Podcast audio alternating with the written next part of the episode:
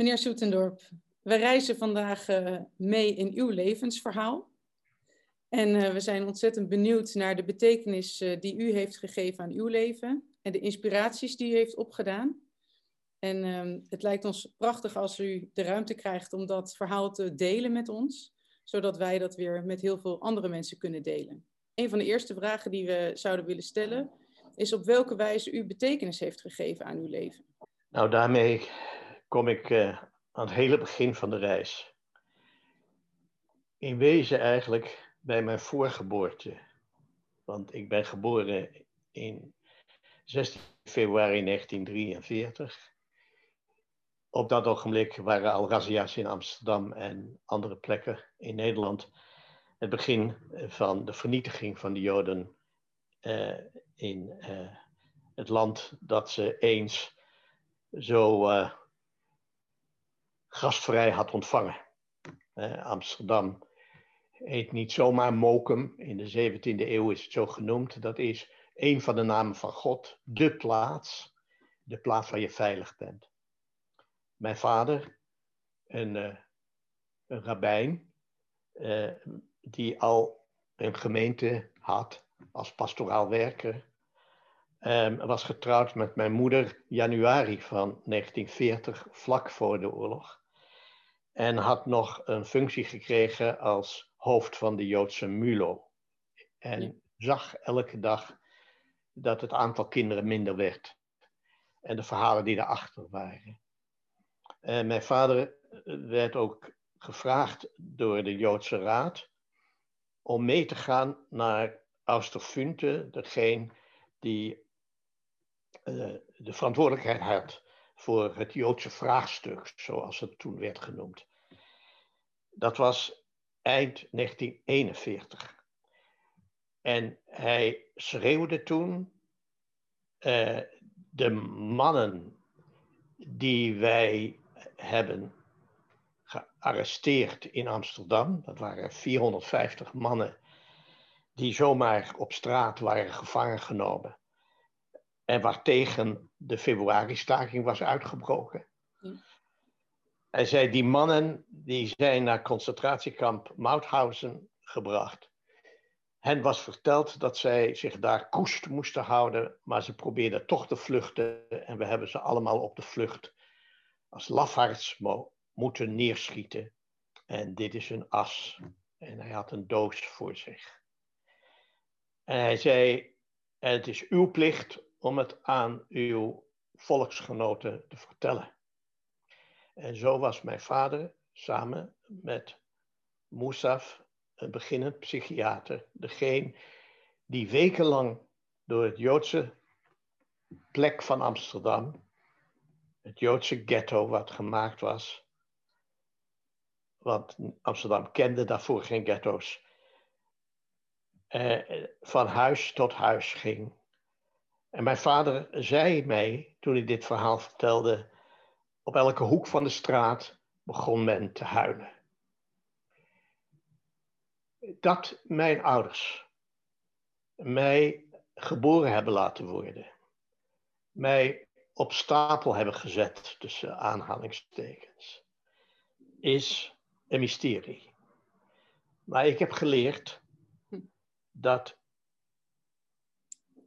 dat een, niet alleen maar een teken van verzet, van leven tegen dood, een teken van liefde, eh, dat dat was een deel van trachten te overleven. Ja. Toen ik geboren was, toen was al alles bijna verloren.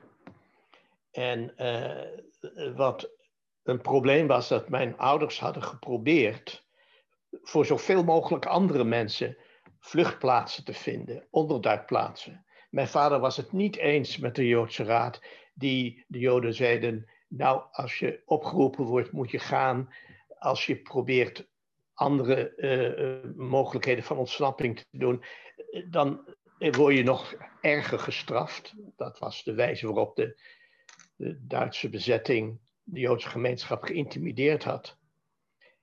Maar toen het mijn beurt was om onder te laten duiken. Toen was het al heel laat. Mijn moeder wilde het niet, omdat ze niet van mij gescheiden wilde zijn. Maar ook omdat haar ouders toen nog voor, uh, in leven waren. Ouders waren op transport gesteld, zoals dat heette.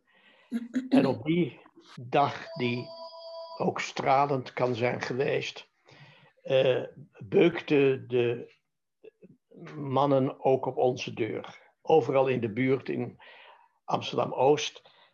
De grote razzia, de grote laatste razzia, werden Joden weggesleept. Ja. De mannen kwamen in dat huis. En nu begint mijn vader te vertellen het verhaal wat hij mij vertelde toen ik een jaar of veertien was. Alles was verloren, mijn jongen. De koffertjes waren klaargezet. Ik pakte ze. Ik keek naar je moeder. Op dat ogenblik liep de leider, de SS-man, met eh, politieagenten die meededen, Nederlandse politieagenten, liep naar het ledekantje waar ik lag.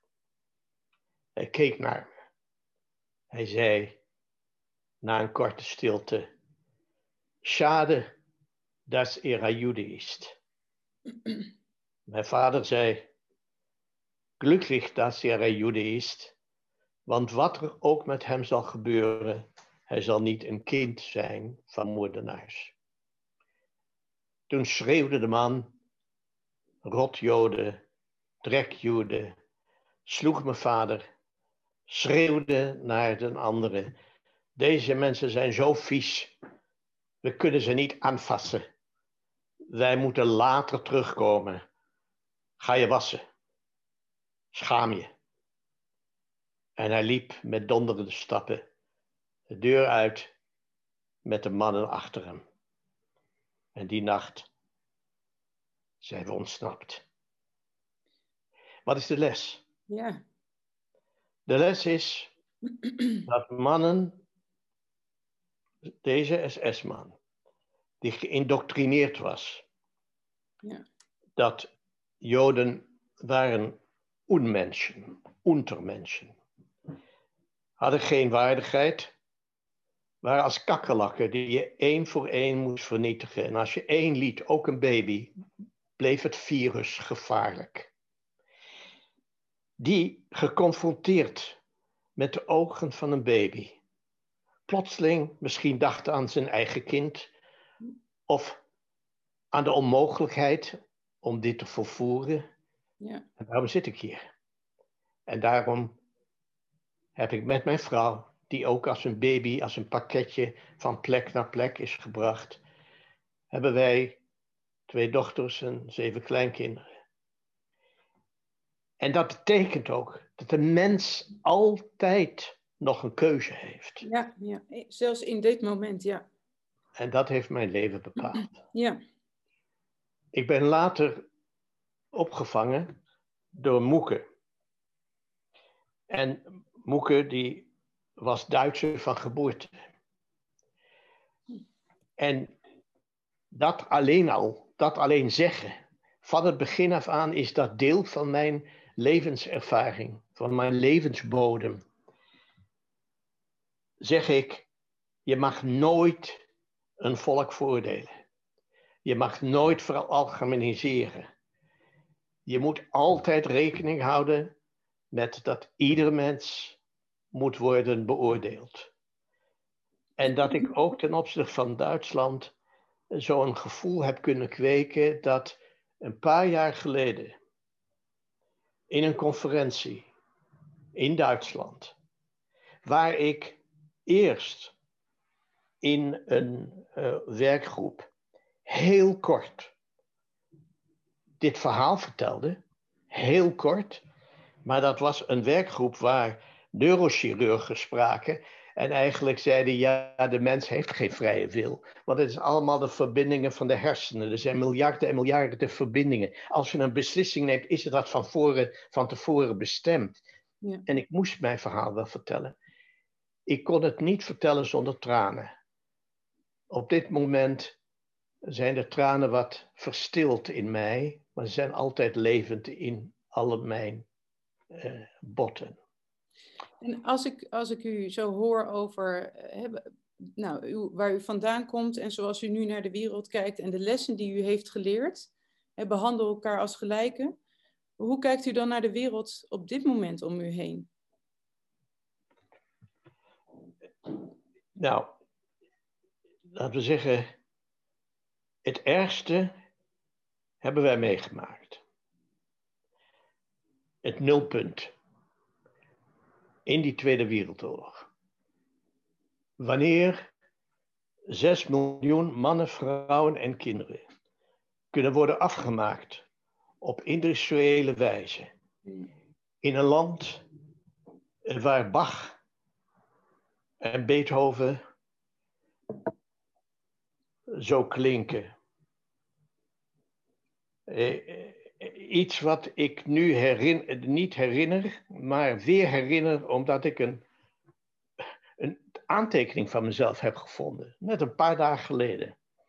Daar zegt mijn moeder, als de Duitsers door de straten marcheerden, dan huilde ik. Ik huilde om wat er allemaal gebeurde. Maar ik huilde ook omdat die muziek zo mooi was. Oh, en die melodieën mij zo ontroerden. Mijn moeder heeft dat samengevat op die individuele wijze. Wanneer je dat nulpunt hebt gehad en gezien hebt, hoe een samenzwering van het goede, zoals ik het zou noemen, mij gered heeft, anderen gered heeft. Wanneer ik zie dat in zo'n situatie, wanneer een minderheid door de straten van een bezette stad wordt geleid, dan staan mensen, dan moeten mensen handelen. Zij zien het.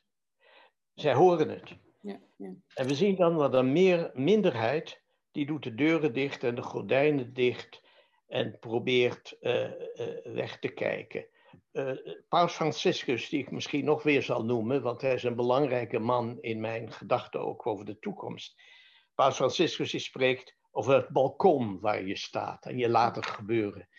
Ik zou tegen hem willen zeggen, nou, dus soms is het balkon nog te gevaarlijk. Je sluit je af diep in je eigen huis om te overleven. Een minderheid, dus de, de, de, de, de, de, de meerderheid blijft thuis of blijft op de stoep staan. Ja. Een minderheid collaboreert. En dan is er een minderheid die in staat is om mensen te redden. Naar de toekomst en deze wereld kijkend is uh, dezelfde fenomenen. Er zijn mensen die lijden op dit ogenblik. Dan laten we het misschien zeggen meteen de vaccinatie. De vaccinatie begint. Het begin van dat licht in de tunnel. Ja. En aan het begin, toen wij allemaal overvallen werden door het virus en onze positie moesten bepalen, toen kwam men in de Europese gemeenschap, in de Verenigde Naties, de grote landen ook, ook Amerika van Trump, kwamen toen de gedachte dat ik vaccinatie overal moest plaatsvinden. Namelijk, als één deel van de mensheid niet wordt gevaccineerd, is het een gevaar voor ons. Dus het was ook nog eigenbelang. Hmm. Maar toen eenmaal de, vaccin, de vaccinatie kon beginnen, omdat de mensheid samenwerkte in een ongehoord uh, samenwerking, technische uh, en medische samenwerking, en het snel werd gevonden, toen werden die, weer die gedachten losgelaten. En op dit ogenblik, als niks verandert in de wereld, dan zal uh, uh, een rijk deel van de wereld worden gevaccineerd aan het eind van dit jaar. En andere miljoenen en miljoenen, als het niet meer dan een miljard is, in landen ver weg, in veel states en armoede, uh, zullen niet gevaccineerd zijn. Ja. Ja. En we zullen alleen maar onze poorten voor ze sluiten en nog meer muren bouwen om de vluchtelingen buiten te laten. Ik sprak daarover een paar dagen geleden met uh, Tineke Seelen, een vriendin. Zij is directeur van Vluchtelingen Nederland. Ja. Met haar heb ik gevochten voor mensen in Sudan en andere plaatsen in de wereld. Zij zegt, het is ongelooflijk, we schijnen er niks tegen te kunnen doen. En nou kom ik met mijn les. Er is niet een weg terug. Er is alleen een weg vooruit. Dus dat bewustzijn, eh, dat heb ik geprobeerd uit te drukken namens religieuze leiders overal in de wereld in december. Eh, in een oproep aan de regering.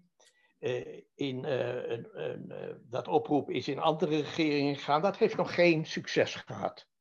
Maar dat wil niet zeggen dat het bewustzijn niet doorkomt. Maar u heeft, ik, ik proef ook veel uh, hoop in uw woorden en vertrouwen. En um, ergens denk ik dat dat in u huist of woont, hoop en vertrouwen. Ja, kijk, we zijn, we zijn in Nederland een klein land met een grote geschiedenis, ge, gemeleerd met goed en kwaad, ja. maar toch een, eh, een, een, een, een, een, een, laten we zeggen, Nederland heeft ook wel momenten van trots kunnen hebben. Uh, hebben wij nu de toeslagaffaire gehad. Ja. En dat wordt, uh, daar wordt op gereageerd. De regering is afgetreden. Maar waar gaat daar over? Het gaat over het hervinden van vertrouwen. Want zoveel in de samenleving is gebouwd op wantrouwen. Ja. Uh, tot, mijn, uh, tot mijn verrassing kwam Fra Paus Franciscus in een boek dat hij onlangs geschreven heeft met een journalist, Let Us Dream net uit, kwam die ook de gedachte dat er eigenlijk een basisinkomen moet zijn voor iedereen. Ja, ja. Dezelfde gedachte die ik heb. Die, alleen ik ben er nog mee bezig. Ik heb er nog niet gepubliceerd, want het kan me, het kan niet schelen of ik uitgelachen word. Maar uh, ik wil dat dan eerst bespreken met economen nog een keer. Het is vaak geprobeerd, maar als je een basisinkomen zou hebben, dan uh, heb je niet die problematiek van uh, toeslagen of subsidies, de, de, de, zeggen de, de werkeloosheidsuitkeringen. Dan heb je een rechtvaardige basis dat ieder mens, waar ook in de wereld, ja. althans een levensbestaan kan hebben. Ja. Nou, Ja. wat is dat? Dat is zeggen dat dat wantrouwen van misbruik die mensen maken. Maar misbruik die overal gebeurt. Uh, vluchtelingen worden geholpen door mensensmokkelaars. Die mensensmokkelaars worden alleen maar rijker als wij meer doen en meer geld geven aan vluchtelingen. Je, je komt er niet aan los. Dus Ja. je moet dat vertrouwen uh, versterken. Misschien kan ik hier met een van de parabels ook aanduiden dat we één mensheid zijn en één gemeenschap. Uh, dat is een heel eenvoudige. De mensheid is als één lichaam. Wanneer een deel van het lichaam pijn doet, voelen andere delen van het lichaam het. Als dat niet meer zo is, is dat het begin van sterven. Als dat zo is, zijn we van elkaar afhankelijk voor de gezondheid en de toekomst van de mensheid. Ja. Dus dat, dat, dat vertrouwen, en ik kan het heel eenvoudig zeggen in mijn leven. Mensen hebben me wel eens uh, uh, toegezegd dat ik veel te naïef ben. En dat ik te veel te snel van vertrouwen ben. En dat ik uh, het moeilijk maak omdat ik ieder mens die komt bij me spreken en vind ik weer mogelijkheden om hem of haar toch weer een kans te geven terwijl er zoveel kansen zijn verkwanseld. Ik heb een, een, een staatssecretaris gehad die mij, uh, die mij belde en zei: Ja, nu heb je weer voor iemand die in Nederland een verblijfsvergunning wil hebben, heb je weer uh, pleidooi gehouden. Wij kennen elkaar. Maar die man is, heeft, heeft, uh, heeft misdaden gepleegd en hij heeft in de gevangenis gezeten. En al die dingen heeft hij jou niet verteld. Jij hebt niet om zijn dossier gevraagd. En toen zei hij, ja, ik Dat werd tegen u gezegd. Ja, hij zegt, nou ja, en als je nou voor een volgende gaat eh, vragen, dan heb ik misschien weer wantrouwen. Want hoe, hoe kom je erbij? Ik kan je niet meer op je woord vertrouwen. Je weet het niet. Hou je er nou niet altijd zo mee bezig? Ik gaf hem een beetje gelijk, maar nu ik erover spreek, heb ik me nooit aan gehouden. Het is, uh, laten we zeggen, natuurlijk zijn er momenten waarop mensen uh, keer op keer laten zien dat ze ja, het vertrouwen geschonden hebben. Ja. Ehm, maar daarop heb ik ook een les, en die lessen zijn deel van mijn leven, een, een, een uitleg op een Bijbelplaats. Nou, ik denk iedereen die de Bijbel wel eens in zijn handen heeft gehad, die weet iets van Jozef en zijn broers. En hij weet dat Jozef en zijn broers, die konden niet met elkaar opschieten. Jozef was het lievelingsje van Jacob. En uh, hij vertelde dromen. En in die dromen was hij steeds koning, was hij steeds meester. En, ze zagen hem als een opschepper enzovoort. Nou gaan die broers gaan uh, de kudde weiden. En die gaan naar Go Goshen. En Jacob zegt tegen Jozef: Ga even naar je broers om te kijken hoe het met ze is. Nou, dat is gewoon in het Hebreeuws ma shalom achicha. En shalom betekent vrede. Hoe gaat het met ze? hebben ze? Hebben ze vrede? Maar, zegt Rabbi Bunam, een van de rabbijnen die uitleg geeft, die zegt, er staat, eh, dat woord shalom, dat is niet alleen maar vrede, maar ook heel zijn, heelheid. Ja. Dus dan zegt hij iets heel anders. Hij zegt eigenlijk, ja, ik weet wel dat je niet met je broers kan opschieten en de broers kunnen niet met jou opschieten. En jullie hebben helemaal geen chemie samen. Die woorden zal hij niet gebruikt hebben, want dat is alleen maar ons jargon. Maar eh, eh weet je, probeer naar je broers te gaan en probeer te zien iets wat heel is. Ja. Iets wat goed is in je broers. En zegt Rabbi Bunam, als je nou een ander ziet en zo uh, wantrouwen hebt, of je kan de ander helemaal niet, uh, je, je, je, je, kunt niets met hem, hij heeft je steeds weer teleurgesteld, hij heeft je zoveel aangedaan. Probeer iets te vinden in die ander wat heel is, wat goed is. En ook al is dat maar 1%, zal dat een kompas worden. Zal dat de mogelijkheid geven om dichter bij de ander te komen. Er is bijna geen parabel die sterker in mijn leven heeft gewerkt als dit. Ja. ja. Dat betekent ook ten opzichte van andere godsdiensten. Ik kan ten opzichte van christendom zeggen, er is zo, zoveel vervolgingen zijn ook vanuit christenen gekomen naar het jodendom toe. Er is een geschiedenis van antisemitisme in de kerk, onbegrijpelijk. Ja. Maar ik zie ook de goede dingen. Ja. En ik zie ook het goede wat in het boeddhisme is en het hindoeïsme is. En ik heb een liefde voor anderen die in andere spirituele tradities zijn. En dat komt allemaal bij elkaar. En dat versterkt mijn hoop en dat versterkt mijn vertrouwen. Ja, ja, ja, mooi. Maar en, en heeft dat dan, denkt u, werkelijk te maken met uw achtergrond? Of is dat ook wat in u huist als, als mens? Want dan is, er, dan, dan, denk, dan is er ook hoop, denk ik dan weer, voor anderen, zeg maar. Want we hebben niet allemaal gelukkig de achtergrond die u heeft. Ehm, maar een, een sprankje meer denken vanuit inderdaad heelheid en vertrouwen. En dan de wereld tegemoet treden, dat zal zo uh, helpend zijn. Ja, kijk, het, het, is, uh, het is natuurlijk uh, in, in mijn, liefde voor mijn gezin, in toen mijn kleindochter, eh, eerste kleindochter geboren werd, Elian. Eh, ik had toen een column in de krant. Ik heb een uur nadat ze geboren was, heb ik een uh, column geschreven, een brief aan mijn kleindochter. En daar schreef ik in, uh, ja, ik wil het van de daken schreeuwen zoals elke opa en oma. Zo'n geweldig wonder is gebeurd. ik schrijf je nu al en je bent maar een uur oud. En toen zei ik meer, ja, ik, ik, ik moet je iets vertellen. Dat, ja, toen ik drie maanden was, toen waren je vader en je grootvader en je grootmoeder eh, eh, moesten worden verstopt. En, eh, En toen zeg maar daar wil ik het, ik zeg het je nu, want daarover wil ik het je in je leven niet hebben. Ik wil met jou dansen en genieten en uh, uh, het sprankelende van je leven. Je woont in Israël. Ik hoop dat je een teken van vrede kunt dichterbij brengen. En dan ging ik daar weer over en toen zei ik, ja, nou ben ik toch weer een predikatie aan het houden. En ik, uh, in ieder geval, Elian, haar naam is dan, kan ook gelezen worden als God. Uh, waar ben je? Of God is er altijd, op verschillende manieren.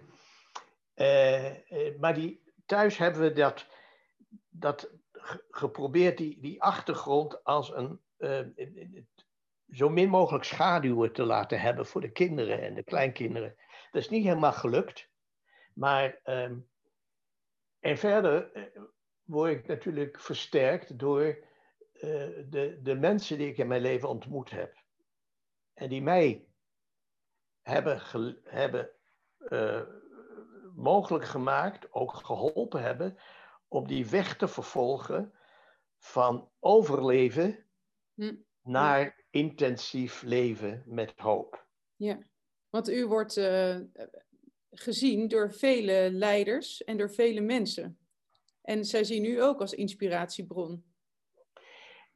Ja, maar dan moet ik meteen zeggen dat de kind. Uh, ik, ik, heb een, een, nog even terug naar het verhaal dat uh, er drie groepen zijn van mensen. Hoe zij reageren op moeilijke omstandigheden. Ja. En dat zijn uh, dus de meerderheid die op de stoep staat. De meerderheid staat op de stoep, een minderheid helpt en een minderheid collaboreert. En die minderheid die helpt, die is een reddende minderheid. Ja. En wat is de meeste invloed? De meeste invloed op, die, op dat verschil van houding uh, komt uit het klaslokaal. Het moment dat je in onderwijs bent de leraar en lerares, de juf en de meester. En ik heb ontzettend veel geleerd in klaslokalen. Dus ten eerste zijn dat die leraren geworden, die kinderen. En ik geef daar maar even heel kort uh, de reactie van kinderen op mijn moeilijke verhaal hmm. van het begin. Een vraag: hoeveel tijd heeft mijn moeke, dus de vrouw die mij redde met haar man, uh, gehad om die deur open te doen of dicht te doen. En ze weten dat het een Duitse vrouw is en uh, dat aan beide kanten NSB'ers gewoond hebben. En dan stond dat jongetje op in de stilte en zei: Geen tijd, meneer. Geen tijd, meneer. En toen ik de majesteit mocht toespreken, Beatrix, uh, in, een, uh, in het Vredespaleis, uh, te midden van religieuze leiders, toen heb ik dat genoemd. Die jongen. Mooie plek. Dat was de les. Ja. Een ander moment was dat ik in een klas kwam en eigenlijk geen zin had. Ook dat gebeurt. Ik, ik, ik was moe, ik kon het niet vinden. Ik was naartoe gegaan omdat iemand anders het verstek had laten gaan. Maar op het moment dat die kinderen om me heen zaten, voelde ik me zo verwarmd. En uh, zo veilig. En toen zei ik in een onbewaakt ogenblik: uh, waarom heeft die SS-man mij eigenlijk gespaard?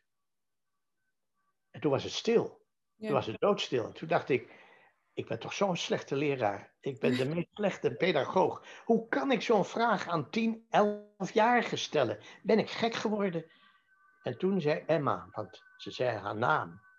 Toen zei Emma van tien of elf, omdat u zo'n teer plantje was. Oh, yeah. De wortels in de grond. Hij kon u er niet uittrekken.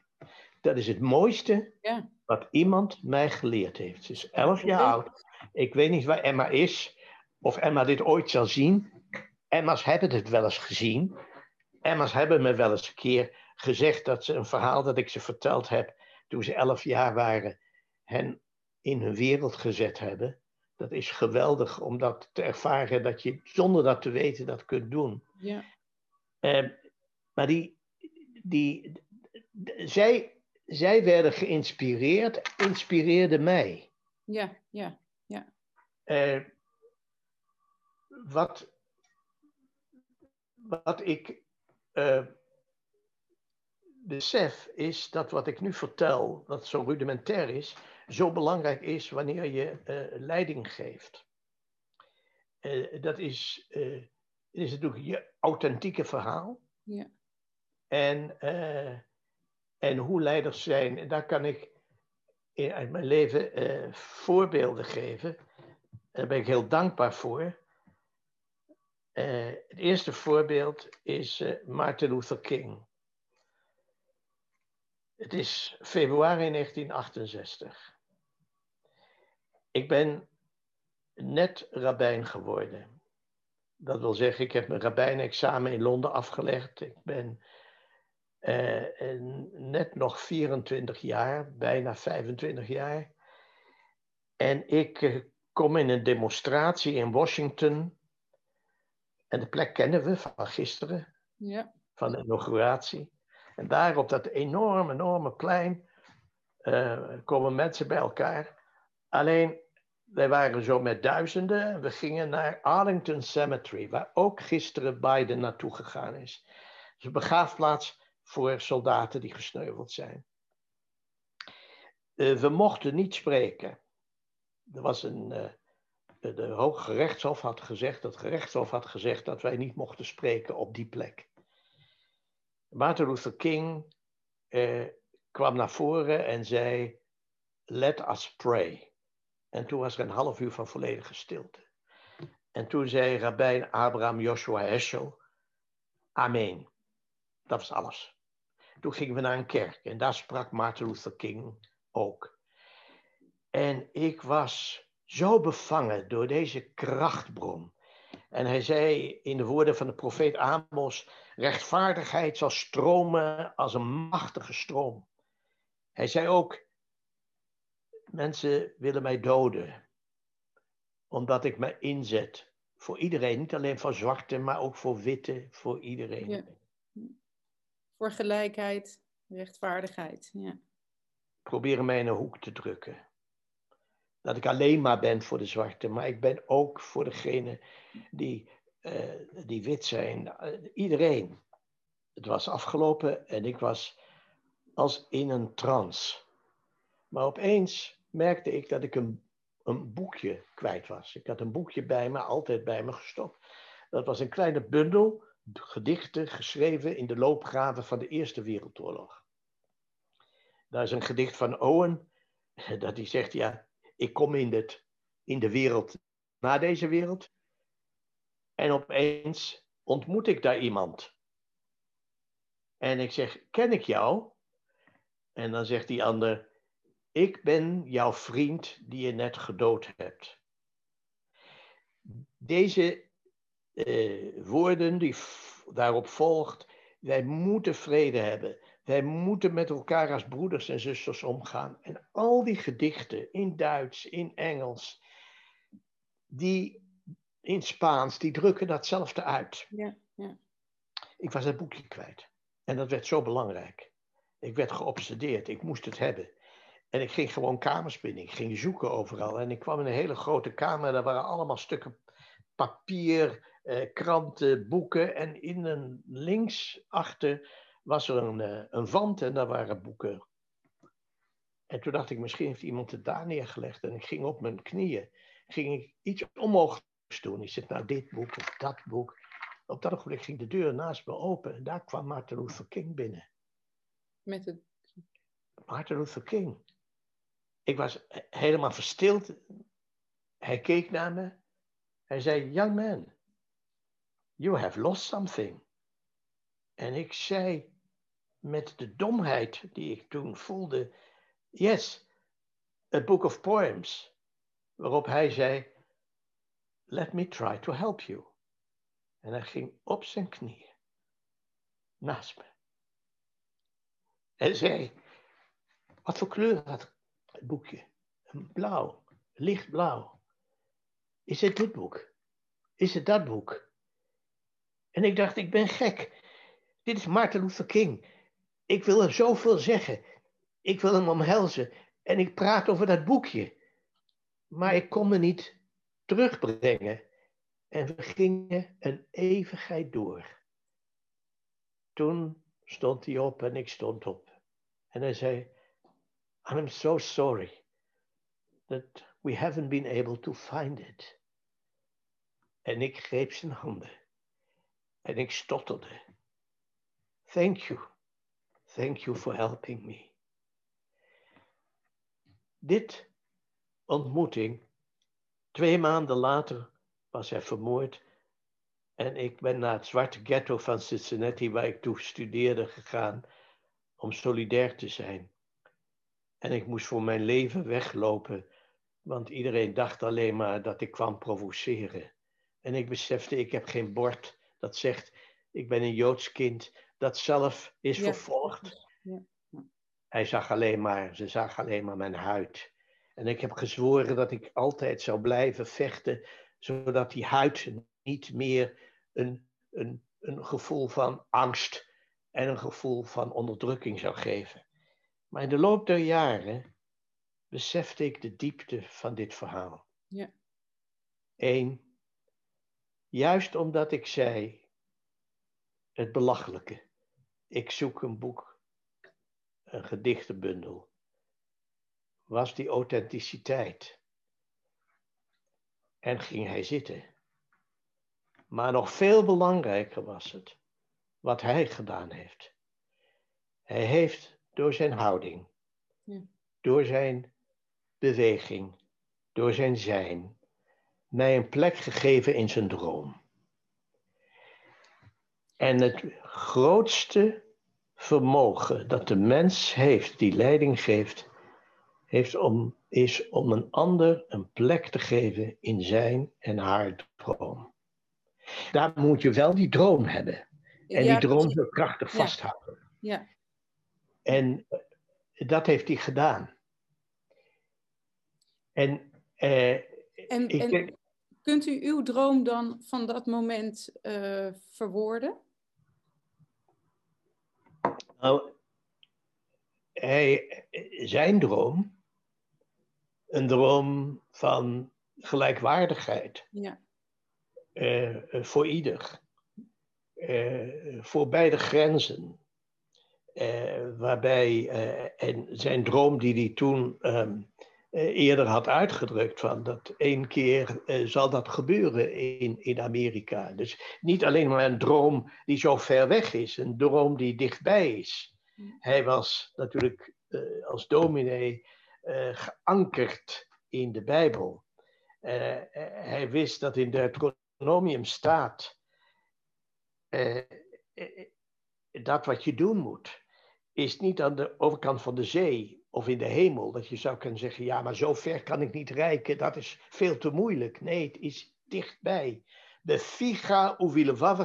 Sato. Het is in je mond en het is in je hart. Het is te doen. Dat was de droom. En ik, die al droomde, kreeg een plek in die droom. En dat is belangrijk geweest. Dat heeft gestuurd. En dat verhaal gaat mij mee. En dat, dat heb ik ook met een, laten we zeggen, omdat ik het heb van grote leiders in onze tijd. Een leider die ook zo groot was en waar we niet zoveel van weten eh, meer, dat is Willy Brandt. Willy Brandt was degene die uh, premier was van Duitsland. Hij was in het verzet geweest in Duitsland als jonge man. Uh, hij was toen burgemeester van Berlijn geworden. En toen de verzoening kwam en het begin van de mogelijkheid dat Oost- en West-Duitsland weer samengingen, ehm, in, die, in datzelfde tijd toen hij premier was, heeft hij een bezoek gebracht aan Warschau. En dat bezoek aan Warschau, dat is hij in het centrum van Warschau gegaan en toen kwam hij te staan oog en oog met het monument van het ghetto van Warschau waar zoveel mensen zijn gedood en zoveel Joden zijn samengebracht en vermoord. En op het moment dat hij geconfronteerd werd met dat monument, is hij door zijn knieën gezakt en is op zijn knieën gaan zitten Eh, je kunt die foto overal vinden. En die foto heeft inspiratie gegeven aan individuen en leiders overal in de wereld. Ik had een gelegenheid om Willy Brandt in te leiden toen ik in Washington bij een organisatie was, de Albert Einstein Vredesprijs.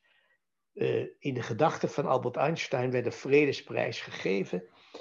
En uh, uh, daar was Willy Brandt.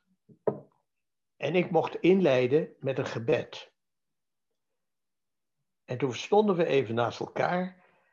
Ik had hem één keer ontmoet in het Anne Frankhuis in Amsterdam. Hij wist natuurlijk absoluut niet wie ik was. En toen zei ik, ik wil u een vraag stellen, maar eh, misschien beledig ik u met deze vraag. En daarom wil ik mijn verontschuldigingen aanbieden. Maar ik wil u vragen, toen u daar stond, voor dat monument in Warschau, voordat u daar stond, had u in gedachten, ik ga nu door mijn knieën. Was het uw plan? En toen werd hij heel erg kwaad. Toen zei hij, hoe kunt u zo een vraag stellen? How can you ask such a question? Of course, I did it on the spur of the moment. En toen zei ik, het spijt me verschrikkelijk, maar dit antwoord geeft mij zoveel kracht dat een leider, hm. dat in een bijzonder moment, hij zijn eigen emoties, zijn eigen gevoelen, weg van het script, weg van de woorden die voor hem gezegd hebben, dat hij dat kan doen. En juist in een gebaar, woordeloos, ja. een bibliotheek kan vertellen. Ja, ja, ja. U zei het daar ook iets over, over authenticiteit, maar dat hoor ik u nu ook weer zeggen. Ja. En en omdat ik het geluk heb dat ik zo'n gesprek heb mogen hebben. Ja. En dat uh, het voor mij ook steeds is, ja, toen de, de vorige paus in, in, in Auschwitz stond bij een herdenking en las van papier en de wind was, toen had ik zo'n gevoel, laat die, laat die bladen los huil, kniel. Ja. ja, dat is natuurlijk belachelijk. Dat kan je helemaal niet van een ander verwachten. Het is alleen maar het feit dat als je jezelf zo kunt laten gaan, wat je van diepte voelt. Want ik weet zeker dat ook die paus die uit Duitsland kwam, datzelfde gevoel had. Ja. Kijk, ik moet mezelf daar steeds weer op aanspreken. En dus ehm, ik was dan net met een, uh, zeggen dat verhaal, mijn oerverhaal. En natuurlijk mijn moeilijkheden uh, in mijn jeugd om naar Duitsland te gaan. En toch heb ik een conferentie geleid van uh, Joodse jeugd in 65 al. met alle moeilijkheden van dien.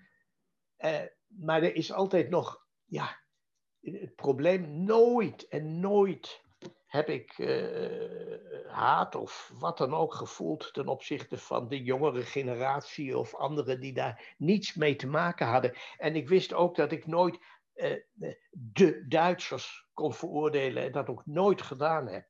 Maar ik, ik, ik moet dus.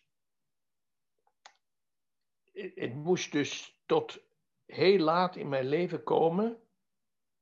Hm. Toen ik zag hoe uh, Angela Merkel de poort voor vluchtelingen had opengemaakt en als enige eh, moreel leiderschap gaf van hoge mate in Europa. En besefte hoe in Duitsland geworsteld was met het verleden, dat ik aan het eind van een lezing in Duitsland, een paar jaar geleden, zei: Nu kan ik de woorden zeggen waarvan ik nooit gedacht had dat die uit mijn mond zouden komen. Duitsland is mijn geliebtes land. Wow. En omdat ik het gezegd heb, zijn ze er. Als ik het niet gezegd had, waren ze er niet. En het is onvoorstelbaar dat in mij dat gevoel kwam om deze woorden te zeggen. Ja in ons gezin eh, ja, is die worsteling heel groot geweest. Maar tegelijkertijd was mijn vader, die heeft mij eh, veel geleid daarin. Uh, hij was degene die toen, toen Klaus en Beatrix zich gingen verloven. En nou Nederland helemaal in opstand kwam en in de Joodse gemeenschap er zoveel leed werd gevoeld. Hoe kan dit en wat gebeurt daar? En we hebben al een probleem gehad met Wilhelmina, die niet genoeg met ons bekommerd was. En het Koningshuis eh, hebben Beatrice en Klaus een bezoek aan mijn vader gebracht. Het feit dat dat kon, betekende al dat mijn vader ja, dat uitstraalde. En mijn vader heeft gezegd tegen mij: Klaus, deugd. Klaus is een man van kracht en noblesse. Uh, hij kon toen niet naar, uh, naar de uh, huwelijksceremonie gaan, want hij kon zich niet losmaken van de Joodse gemeenschap. En hij wist als pastoraal werker, zou hij zoveel kwetsuren in de Joodse gemeenschap geven, maar hij heeft het mij wel verteld. En toen, eh, toen ik gevraagd was in 65 om voorzitter te zijn van die eerste conferentie, toen heeft de liberaal-Joodse gemeente van Amsterdam een brief geschreven naar mij, waarin ze mij verboden om dat te doen. En toen heeft mijn vader, die rabbijn was van de gemeente, gezegd: jongen, ga ermee door. En hij heeft het bestuur op zijn kop gegeven.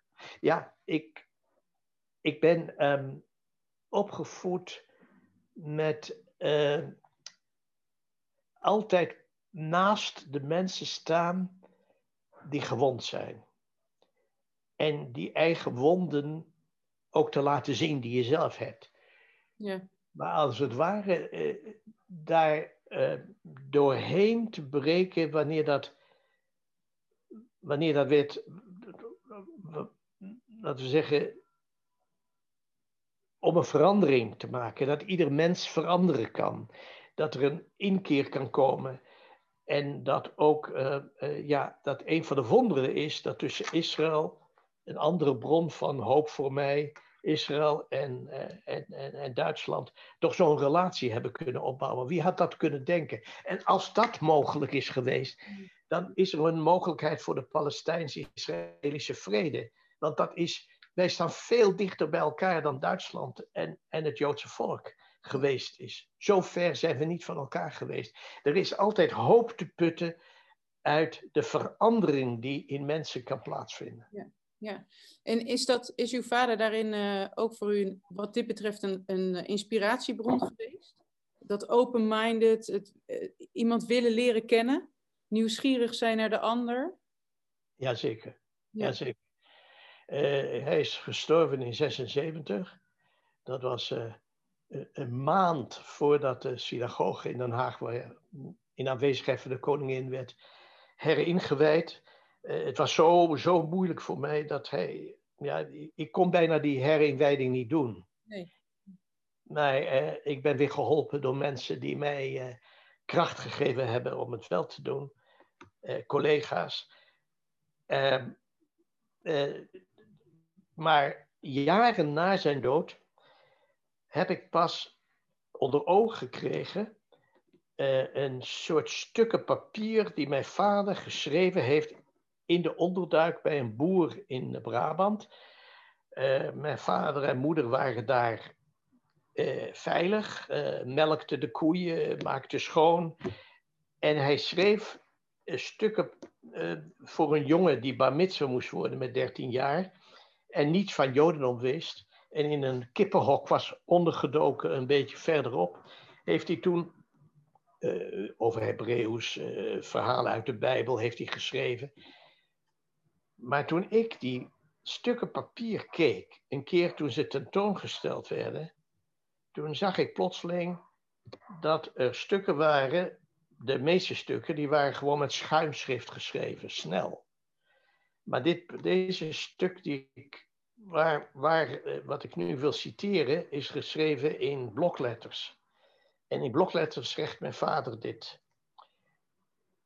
Jonge vriend, vergeet dit nooit. God heeft de mens geschapen en heeft de wereld geschapen voor de mens. En heeft de mens de taak gegeven om die wereld zodanig te vervolmaken dat die vervuld is van samenwerking, liefde, waarheid en rechtvaardigheid. Ongelooflijk. Wat is het eerste woord? Samenwerking. Ja. En het is eind 43, begin 44. Uh, mijn vader en moeder moesten soms, ja, plotseling was er weer een razzia. Dan waren ze in stukken stro. En dan kwamen ze met bajonetten, kwamen ze in dat stro hakken om te kijken of er mensen verborgen waren. In die omstandigheden, niet wetend wat met zijn zoontje gebeurde, want dat wisten ze niet, leefde hij of niet, kon hij toch deze woorden schrijven. Ja. Een, een, positief, een positief mens. In hart en nieren. Ja, ja. Prachtig. En vervolmaking van de wereld. Ja, dat is niet af. Nee, nee, nee. En, en als u dan, want belangrijke woorden en, en inspiraties en levenslessen die hij u heeft meegegeven. Ik proef ook ergens dat u die heel erg voortdraagt uh, en voortzegt. Um, in de manier waarop u in het leven staat. En als u dan kijkt naar, naar, de, naar de wereld zoals die nu is, hè, we hebben corona al even besproken, uh, maar het klimaat bijvoorbeeld en, uh, en, en de verschillen tussen mensen hoe, wat zouden uw lessen dan zijn? Bij, bij, bij, bij mij uh, is, is die les van samenwerking, die doorgezet is. Want daar is alles mee, maar samenwerking met mensen op verschillende plekken. Uh, ik heb ook geleerd dat de plaats waar je werkt kan een heilige plaats zijn. Welke kantoor het ook is, welke plaats het ook is. Eh, dat heb ik ook geleerd natuurlijk van Martin Boeber. Maar eh, elke plaats waar je bent kun je je schoenen uittrekken en zeggen: Ik sta op heilige grond. Eh, toen toen, toen Mozes het brandende braambos zag en God tot hem sprak, toen zei God: Doe je schoenen uit. En zo wordt tegen ons gezegd. Op elke plaats kan plaats zijn waar mensen elkaar met, wanneer je dan op die heilige grond staat, dan is het meer bewustzijn dat je samen moet werken. Dat de ander niet met je meewerkt. Dat dat je medewerker is.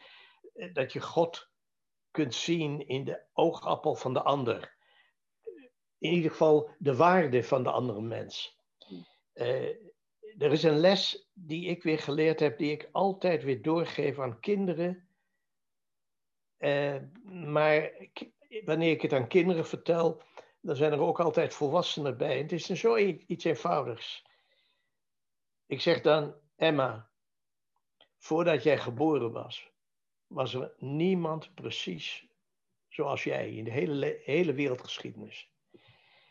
En wanneer je over 120 jaar niet meer op deze wereld bent, maar in de eeuwigheid bent opgenomen, is er nooit meer iemand, niet één iemand, die precies is zoals jij. Dat betekent dat je volledig uniek bent. Dat geldt ook voor de ander. En zal die unieke ik en die unieke jij dan niet elkaar waarderen, respecteren? En, de, en dan komt er iets anders. Uh, ik ben begonnen al vroeg uh, met de verplaatsen in de toekomst. Ja. En dat, toen ik tien jaar was, toen dacht ik, hé, hey, als in 2000, ja 2000, dan ben ik 57. En wat is dat dan? En waar ben ik dan? Zo vroeg begon het. Maar toen ik bij een hele grote conferentie, en ik ben bij vele conferenties geweest, die er was, dat was in de Verenigde Naties en eh, met religieuze leiders. En uh, ja, het was echt een moment van zoveel goede wil gesamen. En toen uh, werd er een filmpje gemaakt, zoals er wordt gemaakt in een conferentie. En toen kwam hij bij mij en, nou ja, werd gevraagd, wat vind je dan van de conferentie? En wat is je wens en wat is je droom? En opeens, toen voelde ik en verwoordde ik eh, wat mijn hoop is, is dat wanneer onze kindskinderen naar de beelden kijken van hoe wij met elkaar omgaan en wat wij doen, dat ze trots en niet teleurgesteld over ons zullen zijn. En dat is eigenlijk gebleven. En in die coronatijd, uh, in mei, afgelopen jaar, 75 jaar bevrijding. En uh, vele mensen die vroegen mij ook via Zoom en andere of van hoe is dat voor u? Dat al die ja, herdenkingsmomenten er niet zijn op die manier. Dat was dat prachtige moment op de Dam en die prachtige, eh, indrukwekkende speech van de, van de koning. Eh, er was zoveel niet. En, en, en zeker geen feest, een bevrijdingsfeest. En ineens kwam er in mij een overtuiging die ik uitdrukte. Ik ben ervan overtuigd en dat zeg ik nu, dat onze kindskinderen eh, 75 jaar na dit moment het feest van bevrijding vieren. En waarom vieren zij het feest van bevrijding? Dat is dan niet omdat 150 jaar geleden de oorlog was afgelopen, maar omdat wij in deze moeilijke tijd geconfronteerd met de virus en de mutaties van de virus en alles wat dat te maken heeft. De beslissingen nemen naar samenwerking, de beslissingen nemen uh, naar beheer en uh, vruchtbaar houden van de aarde, die het mogelijk hebben gemaakt voor ons om 75 jaar later in een wereld van vrede en harmonie te leven. En ik raak dat niet meer kwijt. En toen ik las bij uh, Geert Mak dat hij aan het eind van zijn epiloog, die hij ook in mei schreef, zegt: Ja, ik uh, vraag aan een student over 50 jaar. Jij kunt nu bepalen of wat wij toen hebben meegemaakt, nu meemaken, of dat een disruptie was of een transformatie. En ik heb het geluk gehad met Geert Mak te spreken. En uh, toen vertelde ik hem dat. Dat ik het 75 jaar. En hij lachte helemaal met zijn gezicht. Dat is het. Dat is het. Het gaat niet om of wie gelijk heeft of wie nou de meeste. Het gaat erom dat je, dat je een, een soort een, een krachtenveld in de toekomst creëert in jezelf. En dat, uh, en dat heeft natuurlijk ook weer te maken met uh, uh, wat, wat we geleerd hebben eh, uit teksten en waar je mee groot geworden ben. Ehm, en ik heb dat ook geprobeerd weer te geven. En dan maak ik gebruik van een uh, een oud ritueel van Native Americans. Wij vroegen dat de Indianen van vroeger, zoals we ze toen noemden, helaas. En die hebben dan een ritueel, dat heb ik een keer gezien. Ik weet in 1993 in Kyoto. Niet belangrijk dat het daar was, maar waarin um, een, een vredespijp wordt gerookt. En wanneer een adelaarsfeer wordt overgedragen uh, aan de ouderen. Ja. Met een vraag. Die wordt overgedragen door de jongeren. Jongeren komen bij elkaar en die geven die aderensfeer. En de vraag is: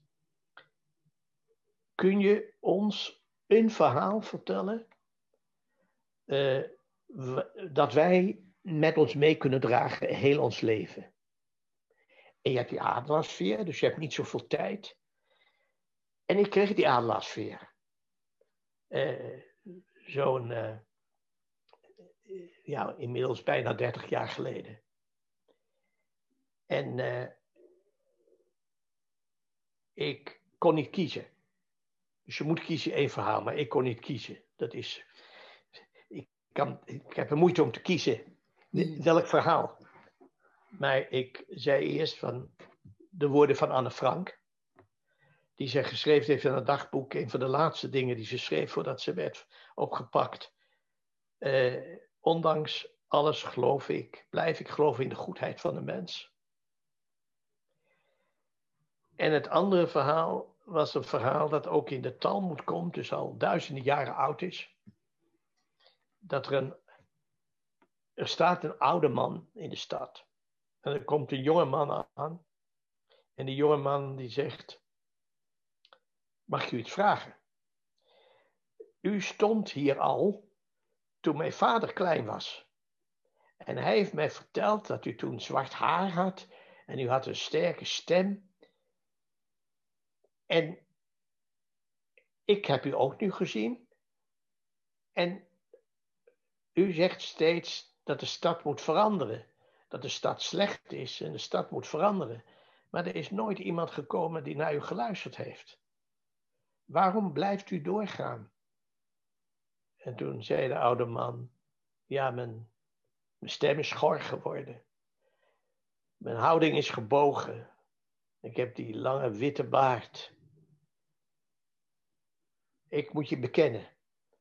Na jaren en jaren en jaren van spreken werd ik door twijfel overvallen. Het heeft geen zin. Er is nooit iemand die naar me luistert en de stad blijft zo slecht als die is. Maar weet je waarom ik door blijf gaan?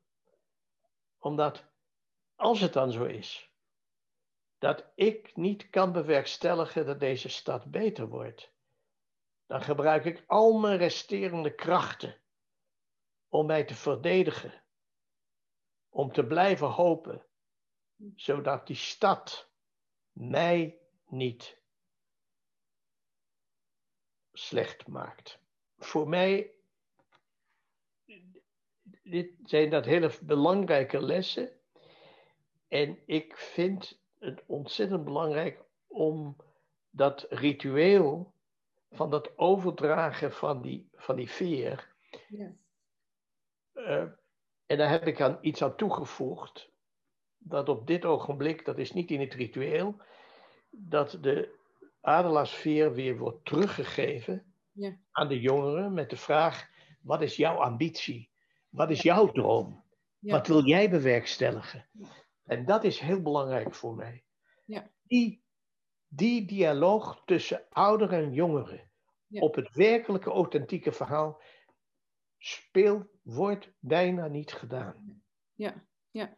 Er zijn wel jongeren en ouderen die samenwerken in een bank. Maar welke ouderen en jongeren hebben werkelijk gesproken over pensioen en wat het betekent als jongeren om mee te werken aan de pensioen van degene die ouder wordt? En wat voor lasten delen en wat het betekent. En dan dat authenticiteit. Want jij en ik spreken niet alleen maar in deze bank over het pensioenpercentage, maar spreken over onze dromen. Ja, ja, precies. Over onze lessen. Ja, ja, ja. Ja, ja wat mooi. Dus dit is een, een hele praktische les die, uh, die u nu meegeeft, die iemand zelf toe kan passen in zijn leven? Ja, in, in, in elke werkverhouding, uh, in, in, in, uh, in, in, in, in jullie jubileum, ja. in, in, in, uh, in een situatie. en ik, ik heb. ik, ik wil even zeggen dat ik, ik borrel natuurlijk. Het is een overflowing. En weer is de paus die gebruikt dat een overflow. Hij zegt op een gegeven moment is er een stromer die gaat over. Dus al die verhalen. Maar ik was in, uh, in die ashram waar Gandhi uh, zo lang geweest is. Hè, wat die, gespinnen. En uh, dat, dat ging over de, de Earth Charter. Dat ging dus over waar ik ook bij betrokken ben. De, ja, hoe kun je werkelijk als mens bijdragen aan de gezonde aarde en de community of life, alles wat leeft. Ja. En uh, ik stelde voor dat we zo'n ritueel zouden doen met de veer. En ehm, de, volgende dag was er een, eh, een hele grote guru die ik ook kende. En ik zei, nou, nu kan een van onze jongeren kan, uh, de veer geven en hem vragen om een verhaal te vertellen. Welk verhaal? En dan kan hij vragen aan de jongeren, wat is jouw ambitie, jouw droom? Ja. En toen zei ze, dat kan toch helemaal niet? Toen zei ik, ja, dat... Nou goed, het werd aanvaard. Uh, ik werd geroepen uh, heel laat in de avond. En degene die de uh, ashram beheerde, die zei, dit is onmogelijk. Je kunt zo'n man die voor honderdduizenden mensen spreekt, niet vragen om te luisteren naar een jongen. Dat kan toch helemaal niet, of een meisje. Ik hield vol. Uh, dan ben, ben, ik plotseling heel koppig en dwars. Ja. Uh, het moest gebeuren. Uh, en toen, bij het ontbijt was het nog niet duidelijk. En ik en een jonge vrouw die ik daar ontmoette, waar ook in de Earth Charter vertelde ik hoe moeilijk het was. En dat, maar dat ik, dat ik toch hoopte dat dat me zou lukken. En inderdaad, in die ashram gebeurde het. En het was ongelooflijk. Dat even was de guru heel erg geschrokken. Wat gebeurt er nu? Ja. En toen kwam er een verhaal en dat was zo fantastisch. En nu iets over mezelf, uh, aan de andere kant van mezelf.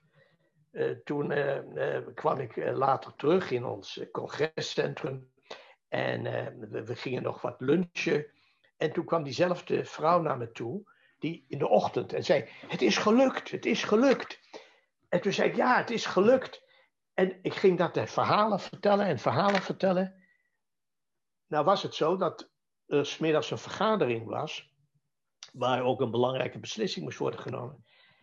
En toen, toen stopte ik met het schaamrood op mijn gezicht en ik zei, ik vertel je het verhaal en ik doe dezelfde fout.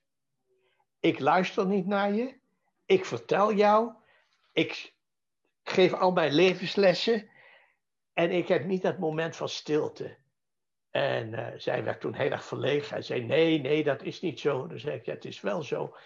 Nou, dat ben ik me steeds bewust, ook op dit moment.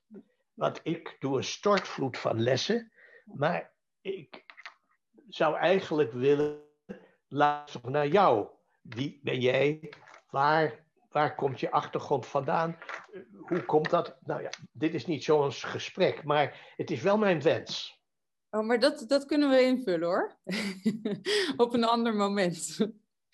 Want, uh, nou, maar wat, wat we delen dan is misschien uh, dat ik, net als u, u heeft tegen mij gezegd in een telefoongesprek, iedere ontmoeting is een kans.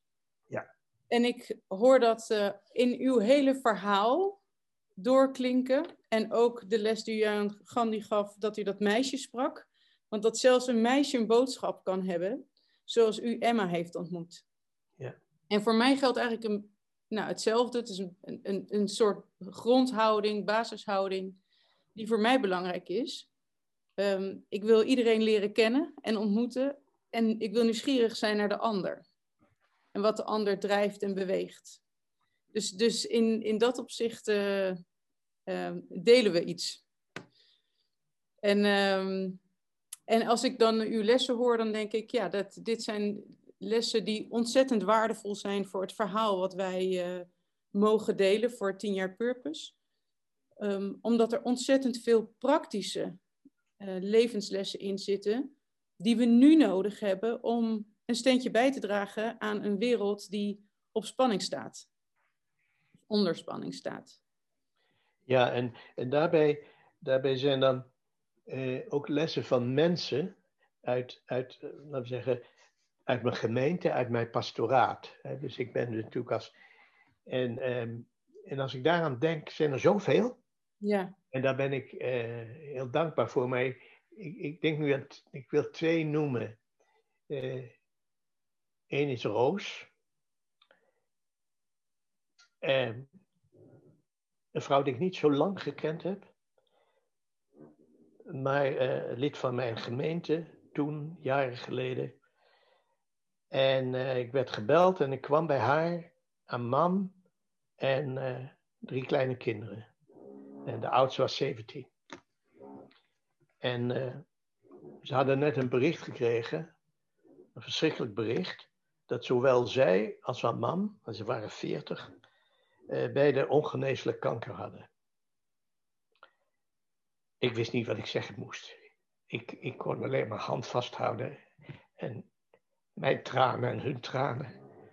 Maar die vrouw die zei, we moeten heel reëel zijn. Misschien leef ik iets langer dan jij, zei ze tegen haar man. En uh, ze keek naar haar dochter van 17 en zei, jij, jij wil je verloven met je vriend. En ik kan je niet dwingen, maar het zou heel fijn zijn als je wat sneller zou trouwen. Want dan kun je de twee andere kinderen bij je nemen. En eh, als ik het mag beleven dat ik nog wat kan, dan kan ik jullie als gezin nog wat sturen. En ik was verbijsterd dat een vrouw dat kan, dat zij dat kon. De man stierf, we hebben hem begraven, het meisje trouwde. En zij vanuit haar leunstoel uh, hielp een beetje van hoe het begin van het huwelijk. En toen kwam het moment in het ziekenhuis dat het einde voor haar was. Ze zat daar en ze zei: Als ik erover denk, heb ik een mooi leven gehad. Ik was stil. Ik knikte. Maar ik moest even naar buiten. Want hoe kon ze dat zeggen? En tegelijkertijd, wat een enorme kracht. Ik ging weer naar binnen toe. We hebben de dag en de nacht doorgebracht. En toen zij stierf, schreef ik op een papiertje. Lentebloem, de winter heeft geen vat op jou. Die, eh, niemand wil ooit in een situatie komen van roos. En verbidden en, en smeken dat dat nooit zal gebeuren. Maar er is een roos geweest. Er is een vrouw geweest die die krachten had. En die die relativering had. Uh, al eerder was er een vrouw, toen was ik nog jonger, nog veel jonger. En uh, die hoorde eenzelfde dat ze nog maar drie maanden te leven had. En ik, ik kwam veel bij haar. En dan vroeg ze mij altijd, uh, hoe is je dag geweest? En ik vertelde dat een beetje, maar ik was er heel onrustig over. Hoe kon ik nou over mijn dag spreken terwijl zij nog maar zo weinig tijd had? En toen was er een moment dat ze mijn hand greep en zei: In de oog van de dood bestaat geen leugen. En ik schrok. Ik zei: Heb ik dan gelogen?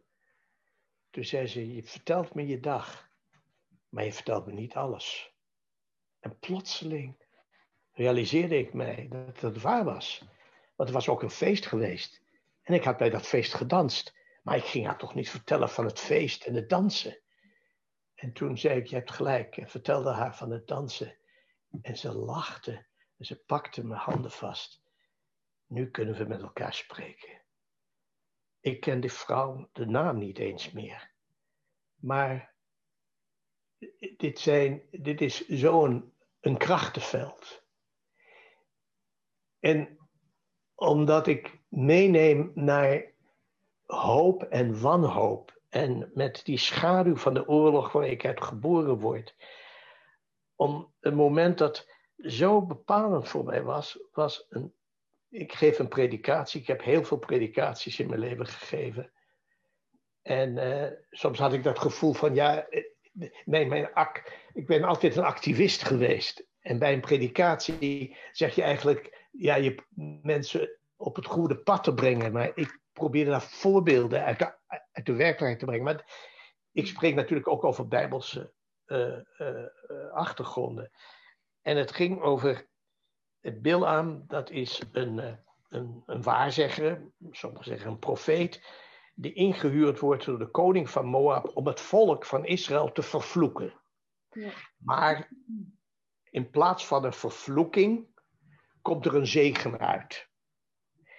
En uh, er zijn woorden uit die, uit die zegen, die eigenlijk vervloeking zou zijn, is Matovu Alecha Jacob, Mishkenotecha Israël. Hoe goed zijn uw tenten, Jacob, uw woningen Israël. En dat zeg je altijd bij het begin als je een synagoge binnengaat. Dat is eigenlijk heel opmerkelijk van iemand. Die, het was bedoeld als een, vloek, maar het werd een zegen.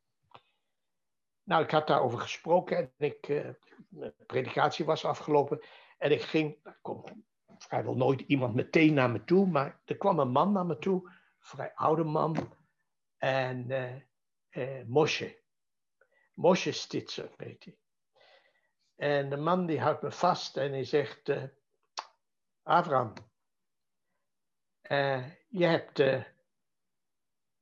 je hebt niet de hele verklaring gegeven die eigenlijk moet worden gegeven, die Rashi zegt. Rashi is dan een bekende middeleeuwse verklaarder. En die zegt, wees op je hoede voor de angel maar wees ook op je hoede voor de honing. En dan is een van die momenten dat de werkelijkheid in tweeën splijt. Toen hij tegen mij zei. Uh, ja, maar die woorden hebben mijn leven gered. Want ik was in de barak in Auschwitz. En uh, we zaten daar uitgemergeld en verhongerd. En de, uh, er kwamen twee bewakers binnen en die schreeuwden: Wil jullie werk en willen jullie eten? En we stonden met de laatste krachten op om gewoon naar ze toe te gaan, naar buiten. Een licht om te leven. En op dat ogenblik ging door mijn hoofd heen: Wees op je hoede. Niet alleen voor de angel, maar ook voor de honing. En met alle krachten die ik in me had, bleef ik zitten. Mijn makkers werden een paar seconden later allemaal doodgeschoten. En ik ben de enige die is overgebleven. De woorden van die verklaarder hebben mijn leven gered. En ik keek naar hem en toen ging hij verder. Hij zegt, ja, maar ik moet je nog iets zeggen. Je weet dat mijn vrouw en kinderen vermoord zijn. Ik kan niet meer tot God spreken.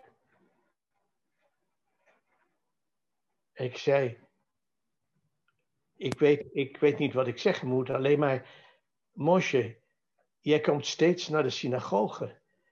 En ik weet dat je, je hebt geen sterke stem, je hebt astma en eh, toch probeer je met alle kracht mee te zingen. Je, je hebt een vrouw weer getrouwd en je hebt kinderen. Waarom kom je naar de synagoge? En toen zei hij met een glimlach, Abraham, het is heel, heel moeilijk om met God te zijn. Het is onmogelijk. En zeker wat ik meegemaakt heb, onmogelijk. Om nog Shema Israël te zeggen, hoor Israël, en bidden tot die God. Maar weet je wat nog moeilijker is?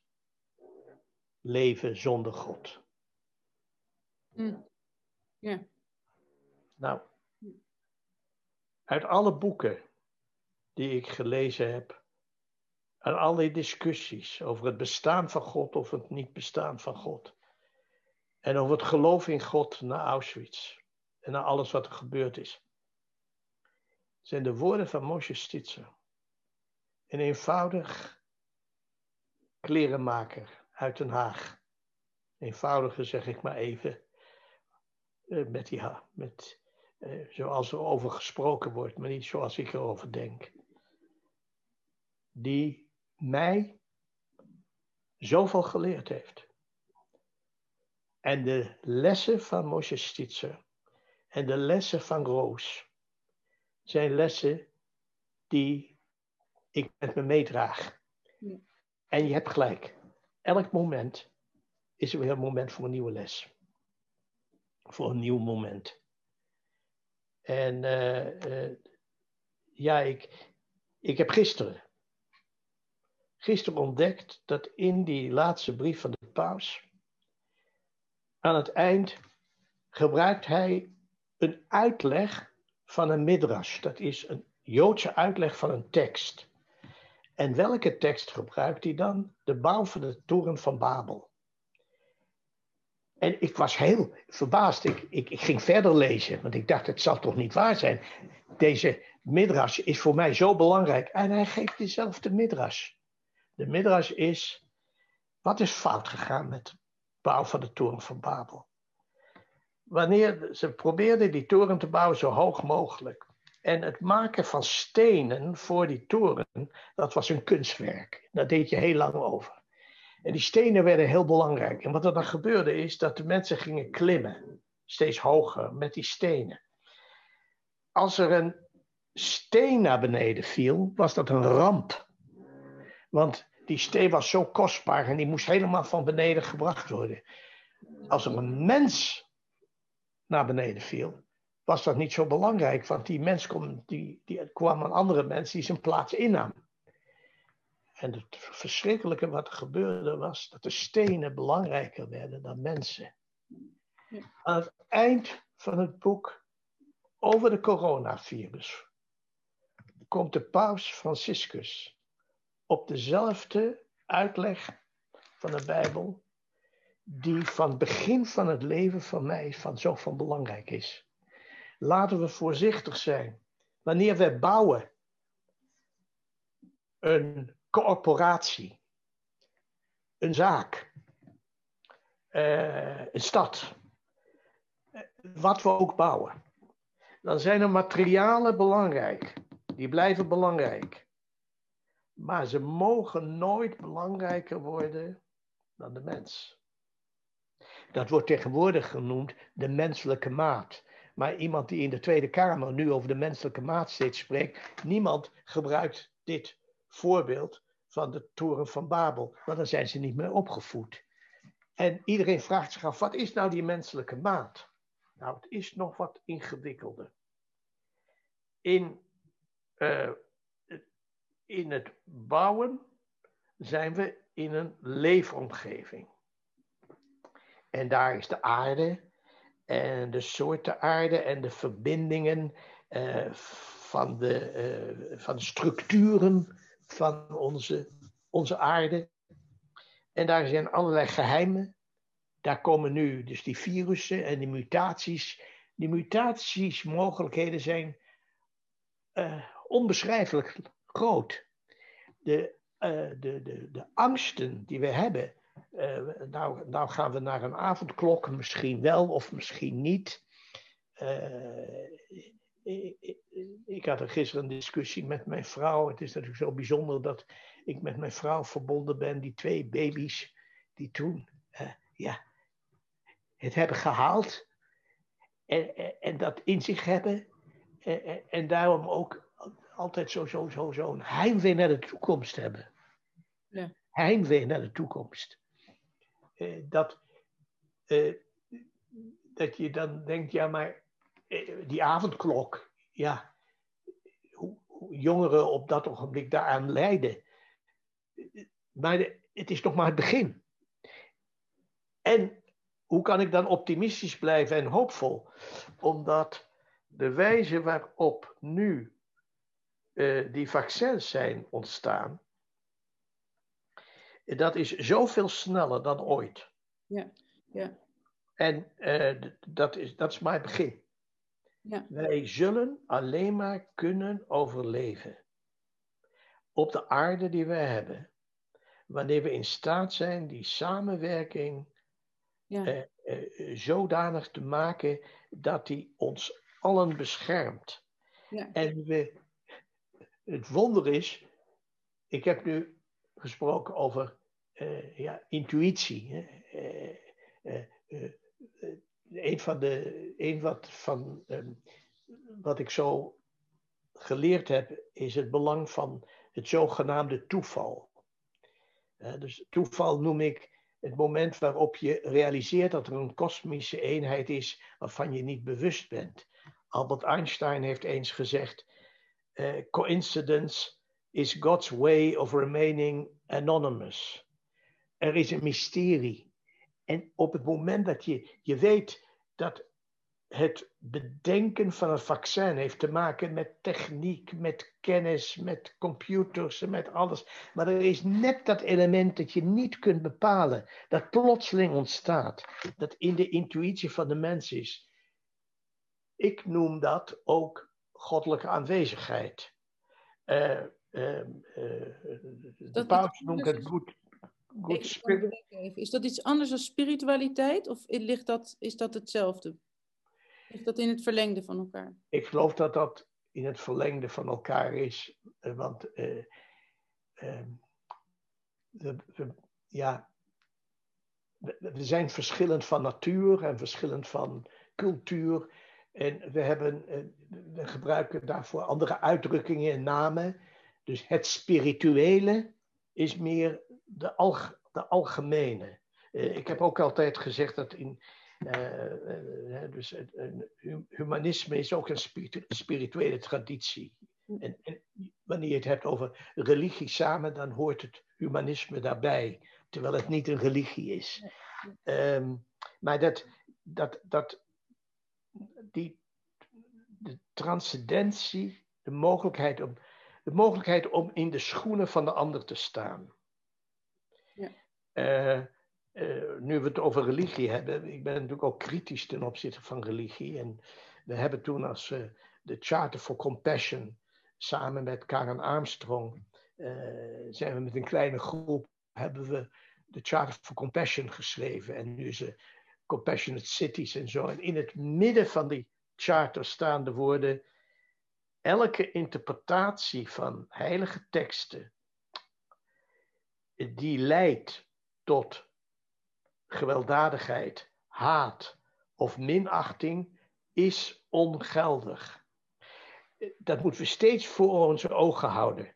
Want wij zijn bezig nog steeds met interpretaties die soms uh, kunnen leiden tot onderdrukking van de vrouw, die kunnen leiden tot, tot verschrikkelijke dingen die niet bedoeld zijn.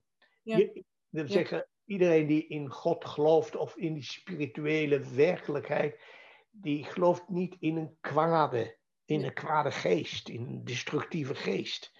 Die denkt, dus er is een beweging en ik, ik voel dus dat met die samenwerking waar ik het over heb, natuurlijk religies, spirituele tradities een enorme verantwoordelijkheid hebben om een voorbeeld te stellen.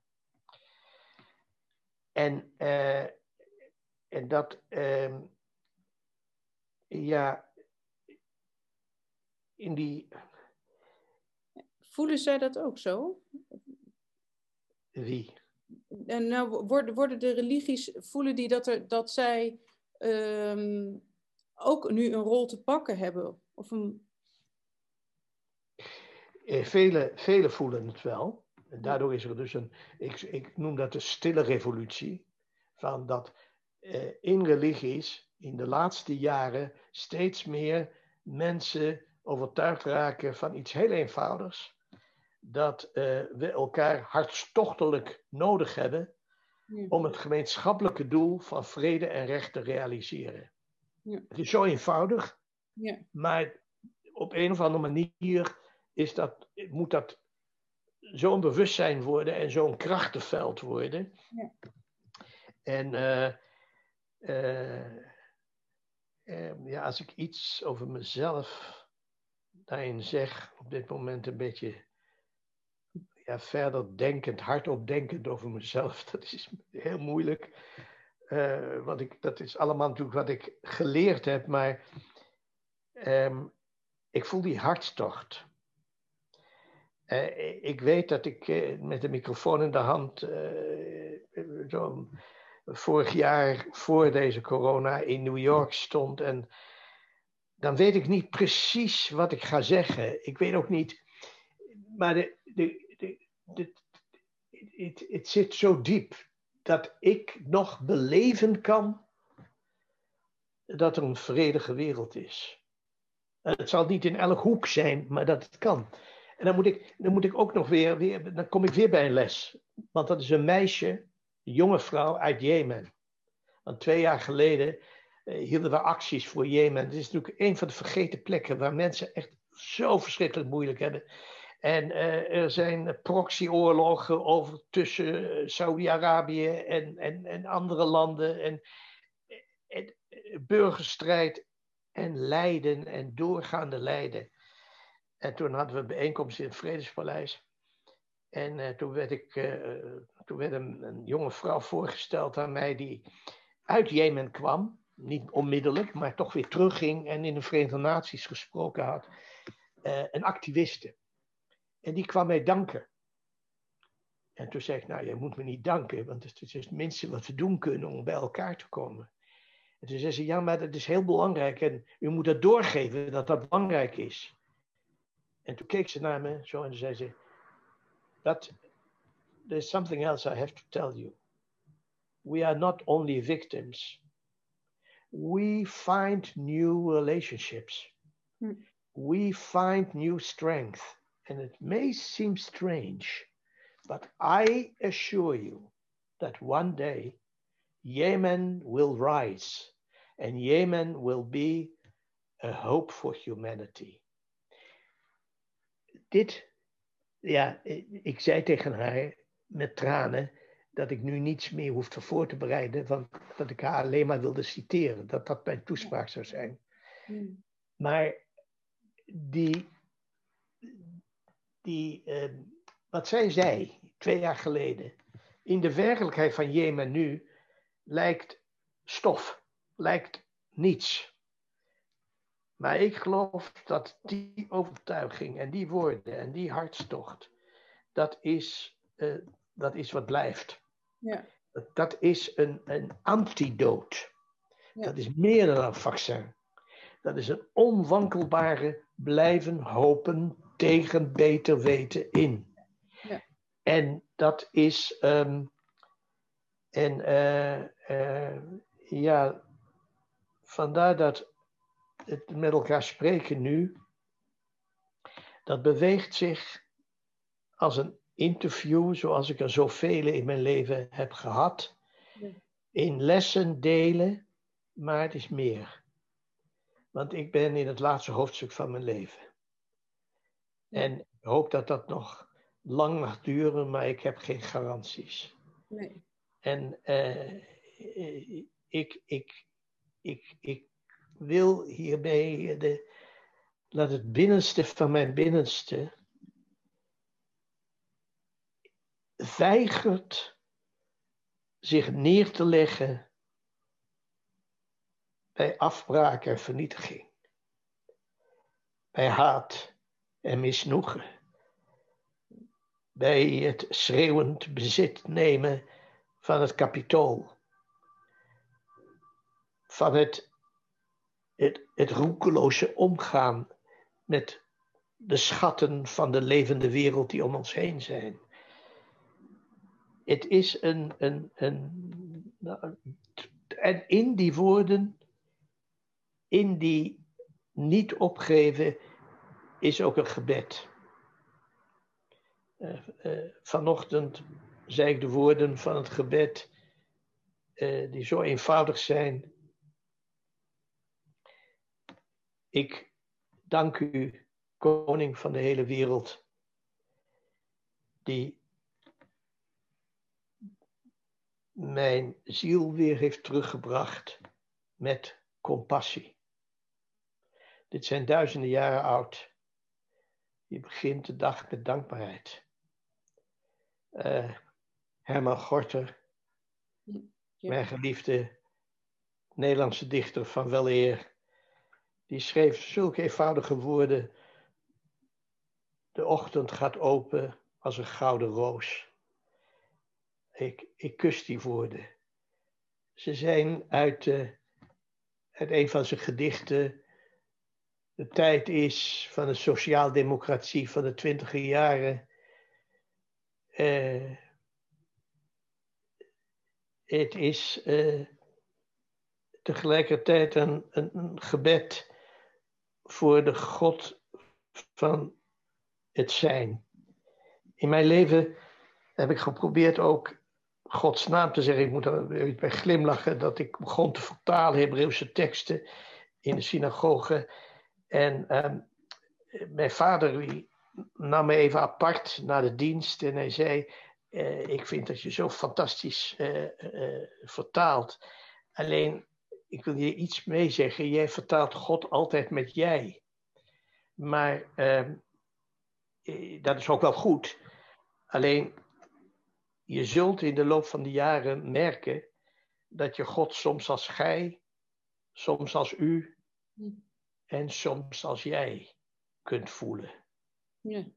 En een moment waarin ik even dacht, maar dat weet ik toch, wist ik, nee, dat weet ik nog niet.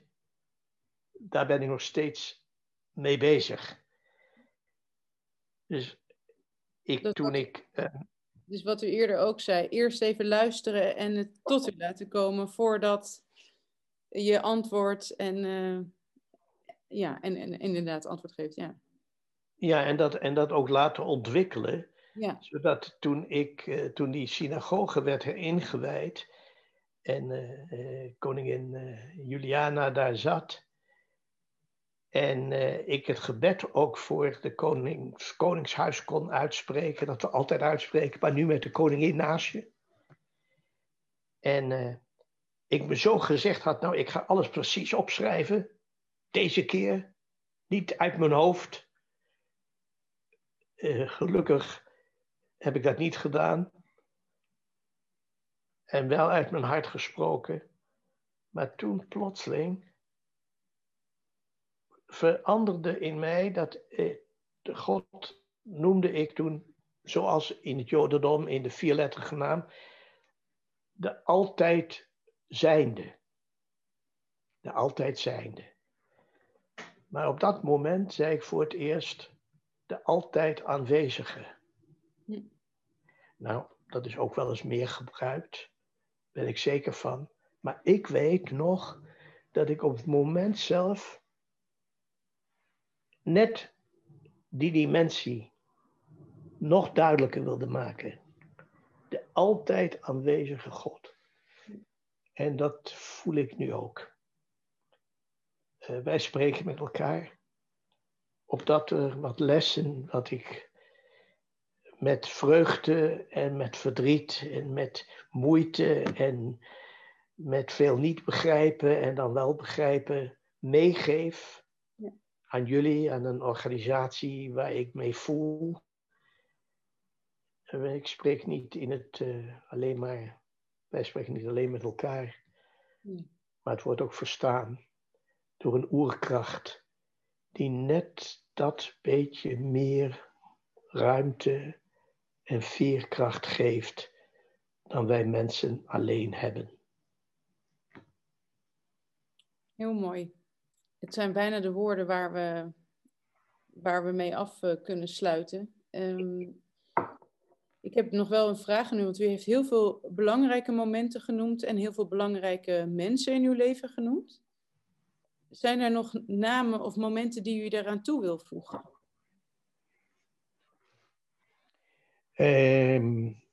ja, nu, nu, nu, nu, nu, ons, dat vind ik zo'n goede vraag.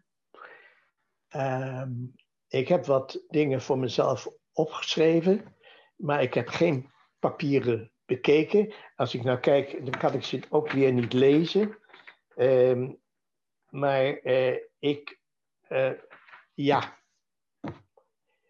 Nou, maar dat is eigenlijk niet, niet, niet, niet, niet dat het het belangrijkste is, maar ik wilde nog iemand noemen. Ja. Die uh, mij, dat is, u begrijpt, ik, ik heb de aarzeling, want het is weer een hele beroemde man. En ik heb het geluk gehad, maar ik, het gaat om het verhaal. Uh, Mikhail Gorbachev. Ja, dat zou je in het begin al, ja.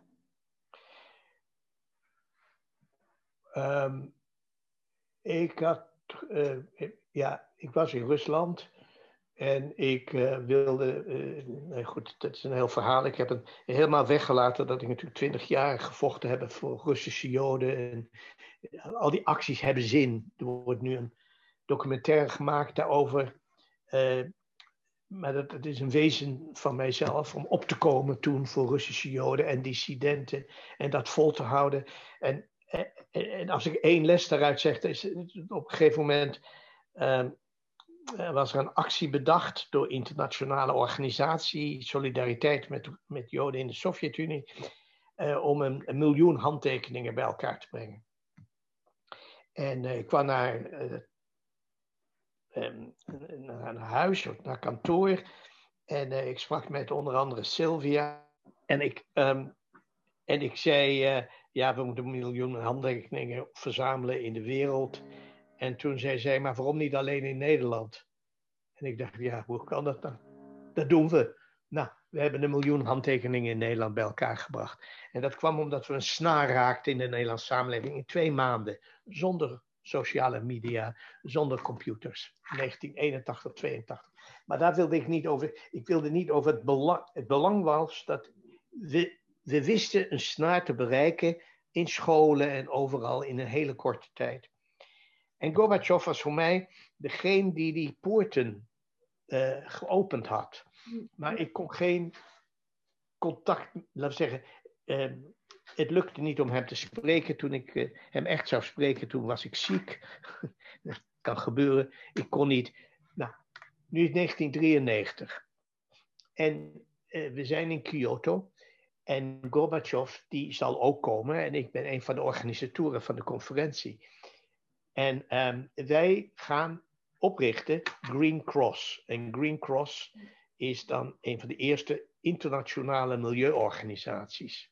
En Gorbachev, die net afgetreden is, of uh, gedwongen afgetreden is in de Sovjet-Unie, maar die zo'n verschil gemaakt heeft in de geschiedenis, uh, die, die zal dat openen.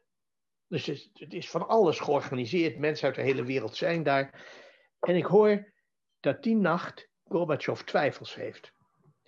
Is het wel het juiste moment? Uh, waar is de premier van, uh, van Japan? Die is er niet. En anderen zijn er ook niet. En ik hoor dat van mijn vriend Akio. En, en dus iedereen is in spanning. Wat gaat er gebeuren? En Gorbachev komt binnen.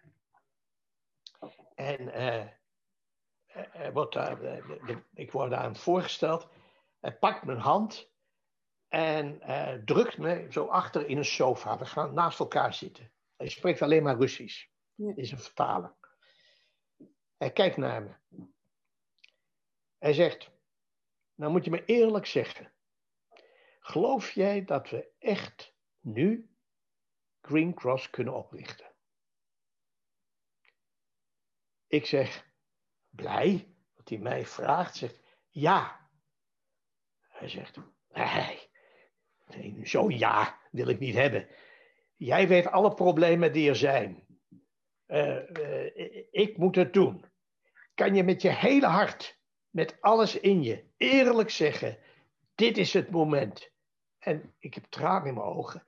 En ik weet op dat ogenblik: het is zo moeilijk. Hebben we wel genoeg geld? Is een, nee, nee, ik zie al die problemen. Ik geloof je er werkelijk in? En daardoorheen zeg ik met een gesmoorde stem, bijna fluisterend: ja. En hij pakt mijn hand, drukt me helemaal naar boven en zegt: Let's do it! Wat was er aan de hand? Denk je werkelijk dat Gorbachev mij nodig had om een beslissing te nemen? Nee. Maar net zoals ik geleerd heb bij Martin Luther King aan het begin. Ja. Hij had die beslissing genomen, maar hij gaf mij een deel ja weer in zijn, in dit opzicht, zijn beslissing, zijn droom. Trouwens, diezelfde Gorbachev, toen we later, een paar jaar later, in Nederland in het katshuis waren. Want hij mocht daar logeren. Uh, toen werd, toen werd uh, wacht, was nog niet zoveel later. Uh, Green Cross was gesticht in Nederland. S'nachts, met zijn vertalen, vertelde hij mij: Ja, ik was daar in mijn kamer. Het was vier, vier uur s'nachts. Op tafel lagen uh, al die papieren van de generale staf. Die waren gelijkluidend. De opstand in Warschau, die moet neergeslagen worden met tanks. Drie maanden zal de wereld om ons schreeuwen en ons aanschreeuwen en dan is iedereen het vergeten. Uh, uh, Polen mag nooit uit onze handen vallen. Hij zei, ik had al die beslissingen voor me. En je weet, ik geloofde niet echt in God. Mijn vrouw wat meer. Die geloofde ook in Spinoza. Die kwam even binnen en zei: Heb je het nu al gedaan? En ik schudde mijn hoofd. Het was zo een nacht. En opeens voelde ik, ik was niet alleen. En ik nam mijn pen en ik schreef: Geen tanks naar Warschau. Dat moment heeft de wereldgeschiedenis veranderd. Ik heb het geluk gehad dat Gorbachev dit aan mij vertelde. Misschien heeft hij het wel in zijn biografie geschreven en zo. Ik ben er niet tegengekomen. Maar die sfeer. En daarom zeg ik aan het eind, dat is bij Obama. Dat is bij mensen die werkelijk dat voelen. Dat, zulke mensen zijn er. En zulke mensen kunnen ook groeien in leiderschap. Maar dat kan ook op elke plek van leiderschap. Dat kan dus op het moment dat je, ja, zoals, de, zoals jullie organisatie ontstaan is, waarvan ik niet alle details weet natuurlijk, maar is ook een moment waarop je net dat idee wat realiseert. En ik wil eindigen met het idee wat ik daarom mee ook trouw wil zijn in mijzelf. Ik denk dat al die leiders en leiderschap en al die pogingen om het goede te doen, zeker nu, geholpen kunnen worden door de instelling of het groeien van een uh, Council of Conscience, een gewetensraad. Dat wil zeggen, beginvraag was over vertrouwen. Ja. Het is zo moeilijk om dat vertrouwen te hebben. Degenen die in die gewetensraad zitten, en die zullen steeds wisselen, zijn mensen die vertrouwen gewonnen hebben. Is een breekbaar vertrouwen. Als ik zeg wat ik hoop in mijn leven gedaan te hebben, dat ik dat breekbare vertrouwen heb verdiend.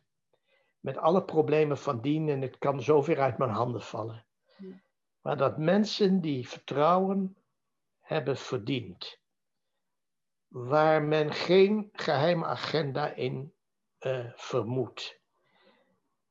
Met elkaar de moed hebben en de wijsheid proberen te hebben om aan te wijzen, zoals op dit moment, vaccins moeten in dit jaar iedereen bereiken. Alleen omdat deze mensen een gewetensraad zijn van internationale allure, omdat het gewone mensen zijn.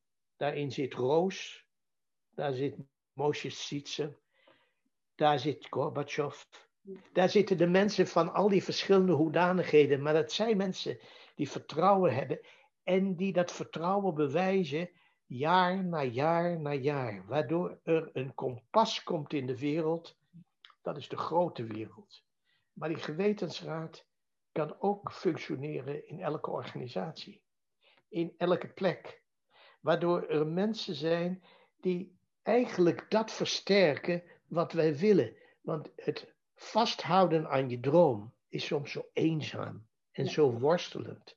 Maar wanneer er een bespiegeling van jouw droom is, omdat er mensen zijn die los van welk belang ook, niet, eens, niet kunnen worden, eh, laten we zeggen, door welke omstandigheden ook bewogen worden, maar alleen de taak hebben in zichzelf om voor zover dat menselijk mogelijk is, een rechtvaardigheid aan te wijzen. Wat recht is en wat verdient gedaan te worden. En uh, uh, ik vind het opmerkelijk dat dat is wel een gedachte die ik heel sterk de hele tijd wilde vertellen, maar vergeten was. Dus je kan er zeggen dat dat wat ik nu, wat nu zo belangrijk voor mij is, dat ik gewoon totaal vergeten ben eh, te zeggen. En dan moet ik, eindig ik met, als het ware, een ervaringsfeit dat momenten van heel veel belang, ja.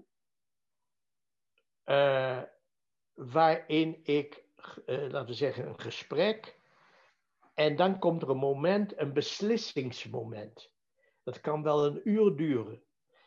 Ik, heb een, nog steeds een scherp emotioneel geheugen. Heel veel details, daar heb ik ook last van, want ik kan details en details en details vertellen. Maar die momenten van de allerdiepste betekenis, die kan ik niet herinneren. Ik kan die woorden niet herinneren. Ik kan de discussie niet herinneren. Dan ontstaat er iets. En misschien is het zo dat ook in dit gesprek, wat ik wilde zeggen, eh, eh, ontsnapte mij, omdat het ja, zo intens is, zo diep in mijzelf, dat eh, ik het als het ware uh, zo alleen maar, dat ik het um, vergeten kan. Ja. En uh, die, dat is een fenomeen. Dat is een fenomeen. Waarbij ik zeg dus dat soms de beslissende momenten in ontmoeting tussen mensen, elke ontmoeting is een kans. En in die ontmoeting zullen stille momenten zijn. Stil omdat je beide stil bent. En stil omdat wat je zegt, je later niet meer zult weten. Maar wat onthoud je wel? En dat is de kavana, de intentie.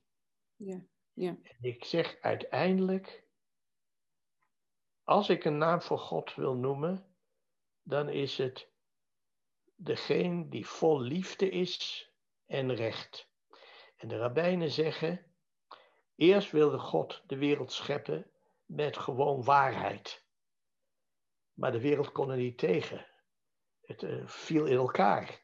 En daarom heeft God eerst liefde geschapen en toen recht. En wordt hij genoemd de God Rav Geset Ve'emet, vol met liefde en met waarheid. En die intentie, die liefde, intentie, die de, die mensen hebben, die zal herkend worden in zo'n Council of Conscience. Ja. Maar die wordt ook herkend in elke zaak, in elke plek waar mensen bij elkaar zijn. Wanneer je werkelijk overtuigd bent van de goede intentie van de ander, kun je elke discussie en verschil van mening aan. Dus als ik u zou vragen, wat is vertrouwen voor u? En u, en u zegt dat in één zin? Overtuigd zijn van de goede intentie van de ander. Mooi als ik het zo hoor allemaal, dan hebben we volgens mij prachtige lessen gehoord en een heel mooi verhaal.